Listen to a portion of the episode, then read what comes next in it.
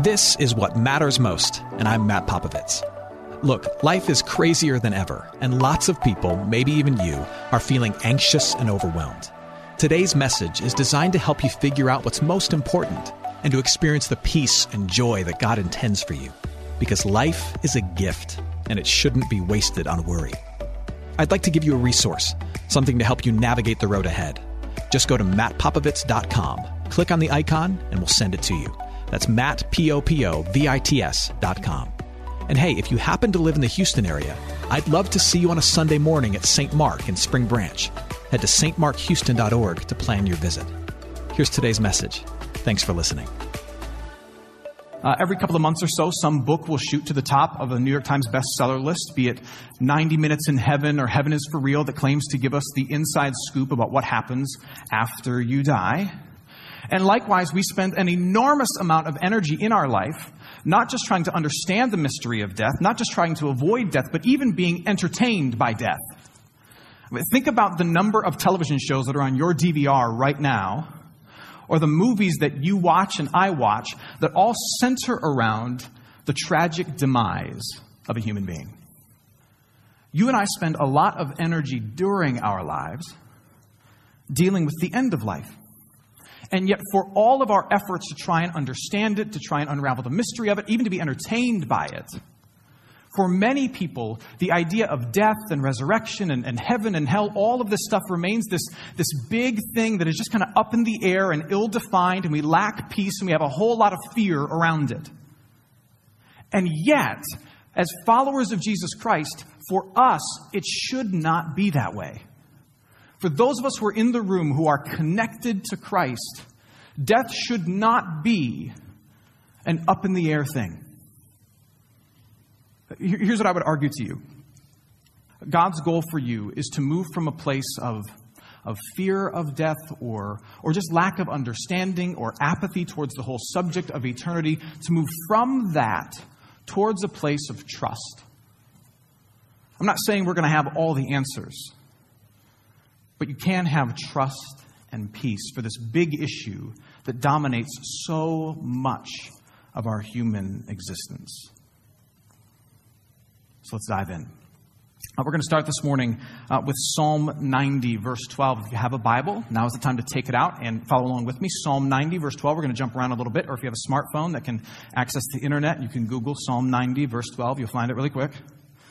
Um, Psalm 90, verse 12, we have it on the screens. In fact, let, let's read this together. Let's read this together out loud. Lord, teach us to number our days that we may get a heart of wisdom. Um, everyone in this world has certain things that they find unpleasant. Uh, we tend to either obsess over that thing that we find to be unpleasant, or we ignore that thing completely that we find unpleasant. Because we find it unpleasant, we try to obsess over it and control it so we have to deal with it as little as possible. Or we try to ignore it and pretend we're never going to have to deal with it, and maybe we won't. And yet, when it comes to the idea of death as an unpleasant thing, some of us do the same thing. Uh, we either obsess over it or we ignore it. But the scriptures tell us that there is a, there is a middle ground that God calls us to. Uh, rather than obsess over our mortality or ignore the inevitability of our mortality, followers of Jesus Christ, we are called to be honest and to recognize our mortality. And in doing so, we are to be people in this world who respect the reality of death. Remember what the psalm just said to us. It says, biblically wise people understand that at some point, for all of us in the room, our time will be up. There will come a moment when the God of the universe, not fate, not an accident, not the car wreck or the disease you didn't see coming, the God of the universe calls your number and he allows death to happen to you. Therefore, a wise, death respecting person is going to walk through life saying two things with, with, a certain attitude. One, an attitude that says, Life will end for me. Life will end for me. I should not ignore that. I should live with a sense of readiness and expectation for that. But two, I should understand that just as my entrance into this world was not in my hands, my exit from this world is not in my hands. So I'm not going to be one to obsess over it or try to grab too much control over it because He sets the number of my days. My job is simply to live my days. God determines the number of my days. My job is simply to live each day. So I should live urgently. I should live wisely. I should furiously pursue the things that matter. But in the end, the actual end is in God's hands. And so when that day comes, whenever it is, God is good and I will be okay. A wise person numbers their days so that they can understand that death will happen, but God will be in control. So jump with me now to Psalm 116, verse 15. Psalm 116, verse 15. We were in Psalm 90, now 116, verse 15. It says this. This is one worth underlining. Precious in the sight of the Lord is the death of his saints. Precious in the sight of the Lord is the death of his saints. Now, head to Psalm 23. I told you we are going to jump around a little bit. Psalm 23. You know this one. Verse 4 says this Even though I walk through the valley of the shadow of death, I will fear no evil, for you are with me. Your rod and your staff, they comfort me. Think about these two promises. God says that, that when one of his saints dies, now when, when, he, when he uses that word saints, he's not talking about a super religious person that you can pray to to help you sublet your apartment or get a new job. That's not what he's talking about.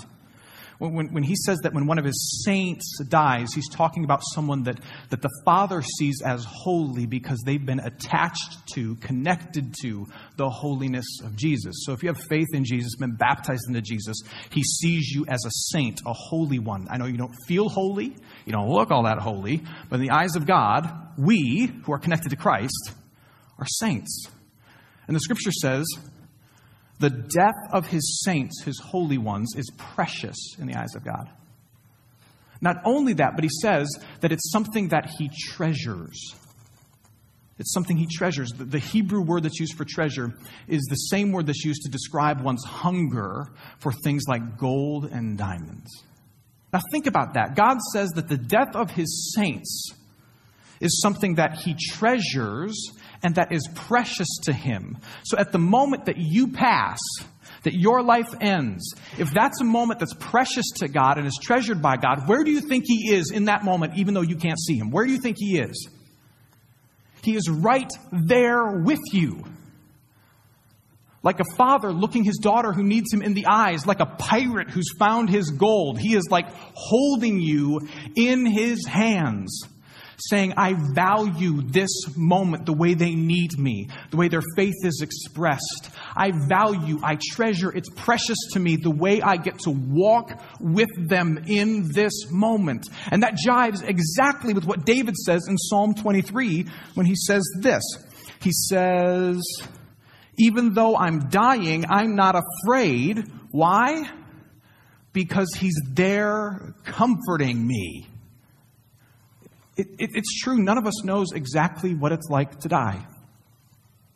But if God's promises can be trusted, and as Christians, we believe that the promises can be trusted because Christ has risen from the dead and kept the greatest promise, then one thing we can know for sure is that when that moment of death comes for you, it is precious to the God who loves us.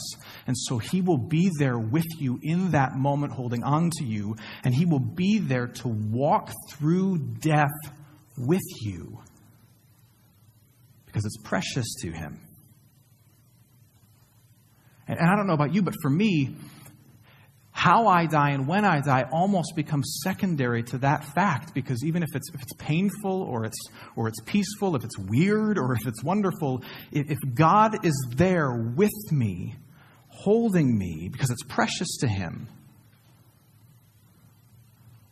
I'm going to be okay.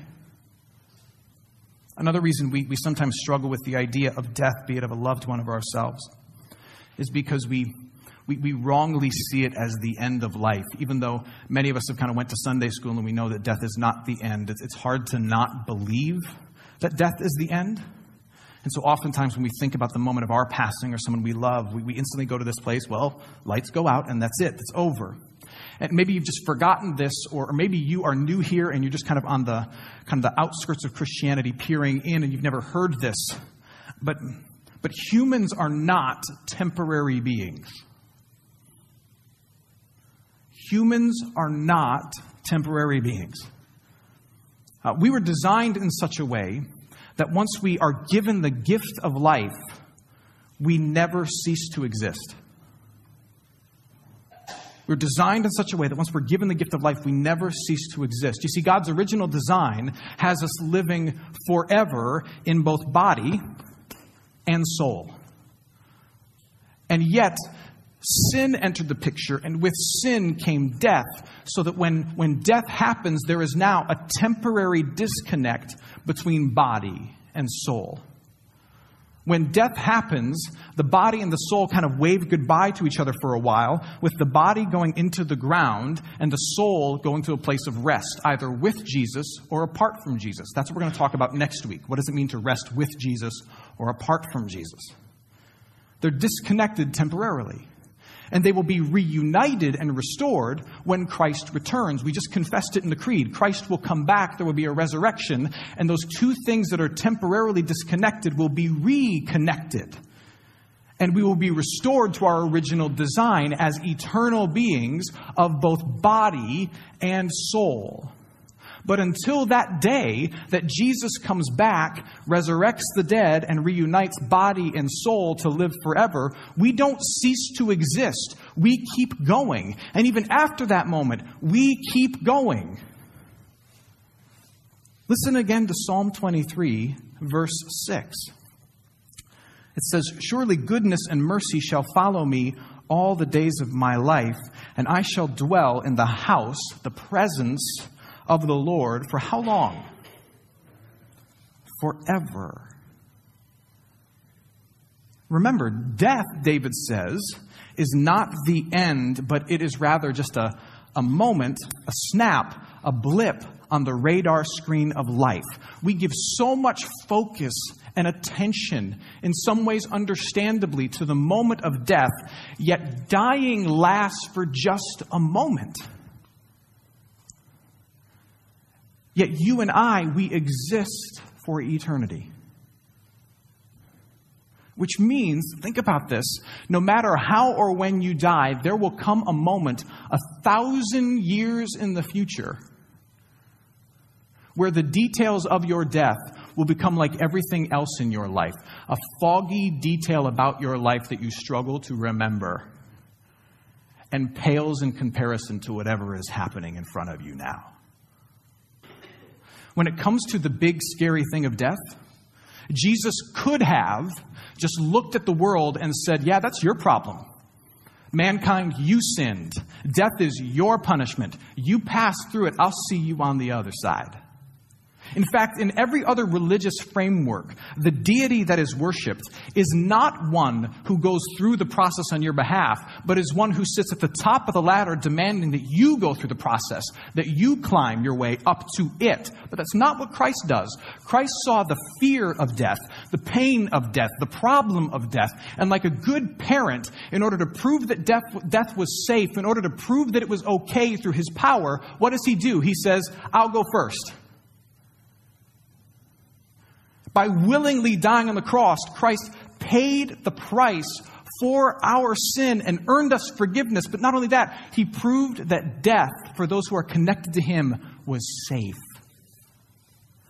Look again at, at our message text that we read earlier on, John 10, verses 27 through 28. He says, My sheep hear my voice, and I know them. Here's the key they follow me. One of the places we follow Jesus is into the grave because he went first. But he says, I give them eternal life, and they will never perish, and no one will snatch them out of my hand. Jesus doesn't ask us to experience anything in this life that he himself has not done first. I am afraid to die. But Jesus died first. I am slightly uncertain, but filled with promises and hope and faith about what happens next. But Jesus rose again and conquered the grave. And he promised that anyone else who is connected to him, that when we go through death, we pass through death, we will come out on the other side of it okay, like he did.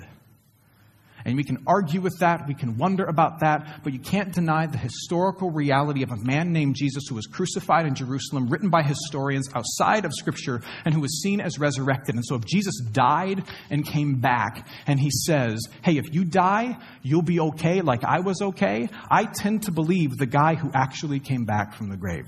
I do.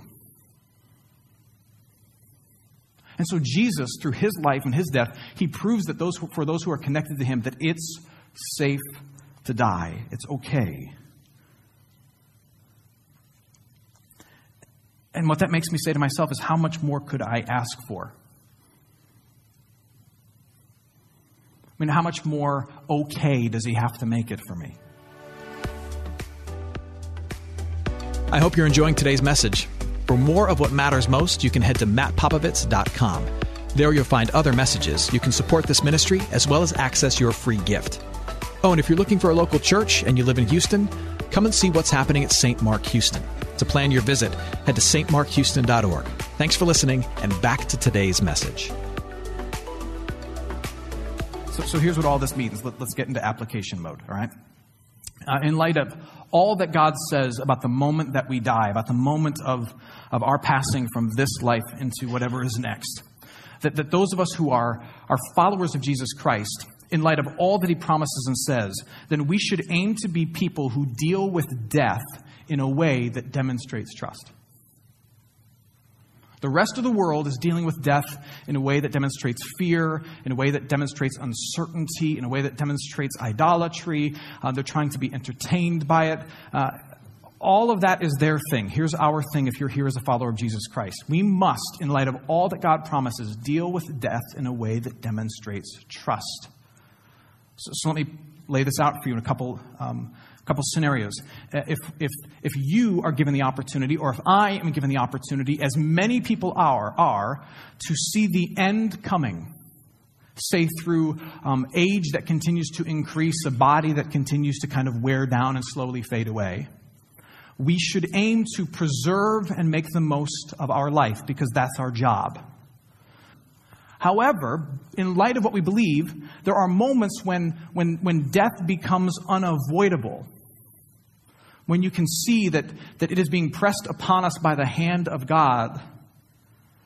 We should be some of the first people, in light of what we believe, to embrace that reality. I'm not saying without fear and with a false joy, but embrace that reality with a sense of peace and with hands folded in prayer as we enter into that moment, lest we be the kind of person who goes into the grave with their hands scraping across the grass as if that is all there is. Because we believe that there is more. Likewise, in light of what we believe, if God is the one who gets to decide our days, then, then as people of faith, in order to be um, theologically honest, we should be people who allow Him to determine our death. Uh, which is why Christians have, have always been against any measure that would impose death on a person where God is not ushering in death for that person. Uh, be it through, say, taking of one's own life in the middle of life or through subtle euthanasia on a fragile life. We don't impose death. There's a difference between imposing death and allowing what God is ordaining. And so we do not impose death. Rather, we trust, as I said a moment ago, that our job is living and that God's job is determining our end and that He will help us get to and through our end. Even if our quality of life is not what we necessarily would choose, God will get us to the end and through the end. Not only that, uh, but we should make sure that our death, in as much as we can control it, is not simply a time to mourn what's lost, but a time for us as followers of Jesus Christ to declare that which we can never lose. Uh, I've made it clear to my wife, and I think I've even told you before, that, that um, when my time comes, um, when I am slowly fading in the bed or, or I am gone and, and, and it's a funeral, that they should not simply tell stories of how awesome I was. I mean, they should tell stories about how awesome I was. But that's not what I need to hear when I'm fading. What I need are the promises of God and how awesome Christ is. And that's what followers of Jesus Christ should aim for. I mean, if, if you walk out of here with anything, I want you to walk out uh, with, with, with, a bit of a mission uh, when it comes to your attitude and your understanding of death. Um, do not think of death in terms of the pain. The pain will fade in the context of eternity. Do not think of death in terms of when. God is good, and, and He will make it happen when He sees fit, and He is in control, and He will work it all out. Do not think of it in terms of the unknown, because Jesus has been there, and He will walk you through there. If you want to make an impact in your life, do not just let your living be a declaration of what you believe and where your trust is. Let the way in which you look at and you approach your dying be a declaration of where your hope is and where your trust is. In a world where people are full of fear about death, where they're obsessed with it and entertained by it, you want to make an impact? Be a person of faith and trust and hope and confidence as you approach the grave, talk about the grave, or you send someone else into it. That, that makes an impact that sends a message. Because the rest of the world is looking at this thing saying, we don't know what to make of it. And so when you have a sense of hope and peace and certainty in the midst of it, that makes a difference. Let me close with this. The Bible doesn't offer us really any kind of description of what we can experience when we die. Uh, the closest it comes is the seventh chapter of Acts where Luke describes the death of Stephen. Uh, Stephen died a, a very difficult martyr's death. But listen to what he experienced as the moment of death approached. Listen to this. This should give you hope. Um, the context here is people are enraged that Stephen is talking about Jesus. Now, when they, those who were angry, heard these things, they were enraged, and they ground their teeth at Stephen. But Stephen, full of the Holy Spirit, gazed into heaven and saw the glory of God, and Jesus standing at the right hand of God. And he said, Behold, I see the heavens open and the Son of Man standing at the right hand of God. But they, his enemies, cried out with a loud voice and stopped their ears, and they rushed together at him. Then they cast him out of the city, and they stoned him to death. And as they were stoning Stephen, Stephen called out, Lord Jesus, receive my spirit. And falling to his knees, he cried out with a loud voice, Lord, do not hold this sin against them. And when he said this, he fell asleep. Stephen never planned or expected to be the first Christian martyr. Yet, as God ushered Stephen into death, he saw the glory of God and he saw Jesus Christ watching over him and receiving his soul from his broken body every moment. Precious in the eyes of the Lord is the death of his saints. Even though I walk through the valley of the shadow of death, I will fear no evil because God is with me. That was true for Stephen, and it will be. It is true for you. The moment of death is a big deal. Respect it. But know that Christ has conquered it and will walk you through it. And in a world of obsession and anger and apathy, may you make a bold declaration of trust. Amen. Hey, it's Matt. I hope you enjoyed what matters most. Here's what I need you to know life is a gift, and it shouldn't be wasted on worry. I want to help you figure out what's most important and to experience the peace and joy that God intends for you. So, for more content, you can head to mattpopovits.com. That's Matt, P O P O V I T S.com. There, you can also support this ministry as well as access your free resource, a little something to help you navigate the road ahead. I'd also love to see you on a Sunday morning. If you're in the Houston area, head to stmarkhouston.org to plan your visit. In the meantime, hit me up on Instagram at mpopovits or at facebook.com slash Matt Popovits Ministries. Thanks for listening. Now go and hold tight to what matters most.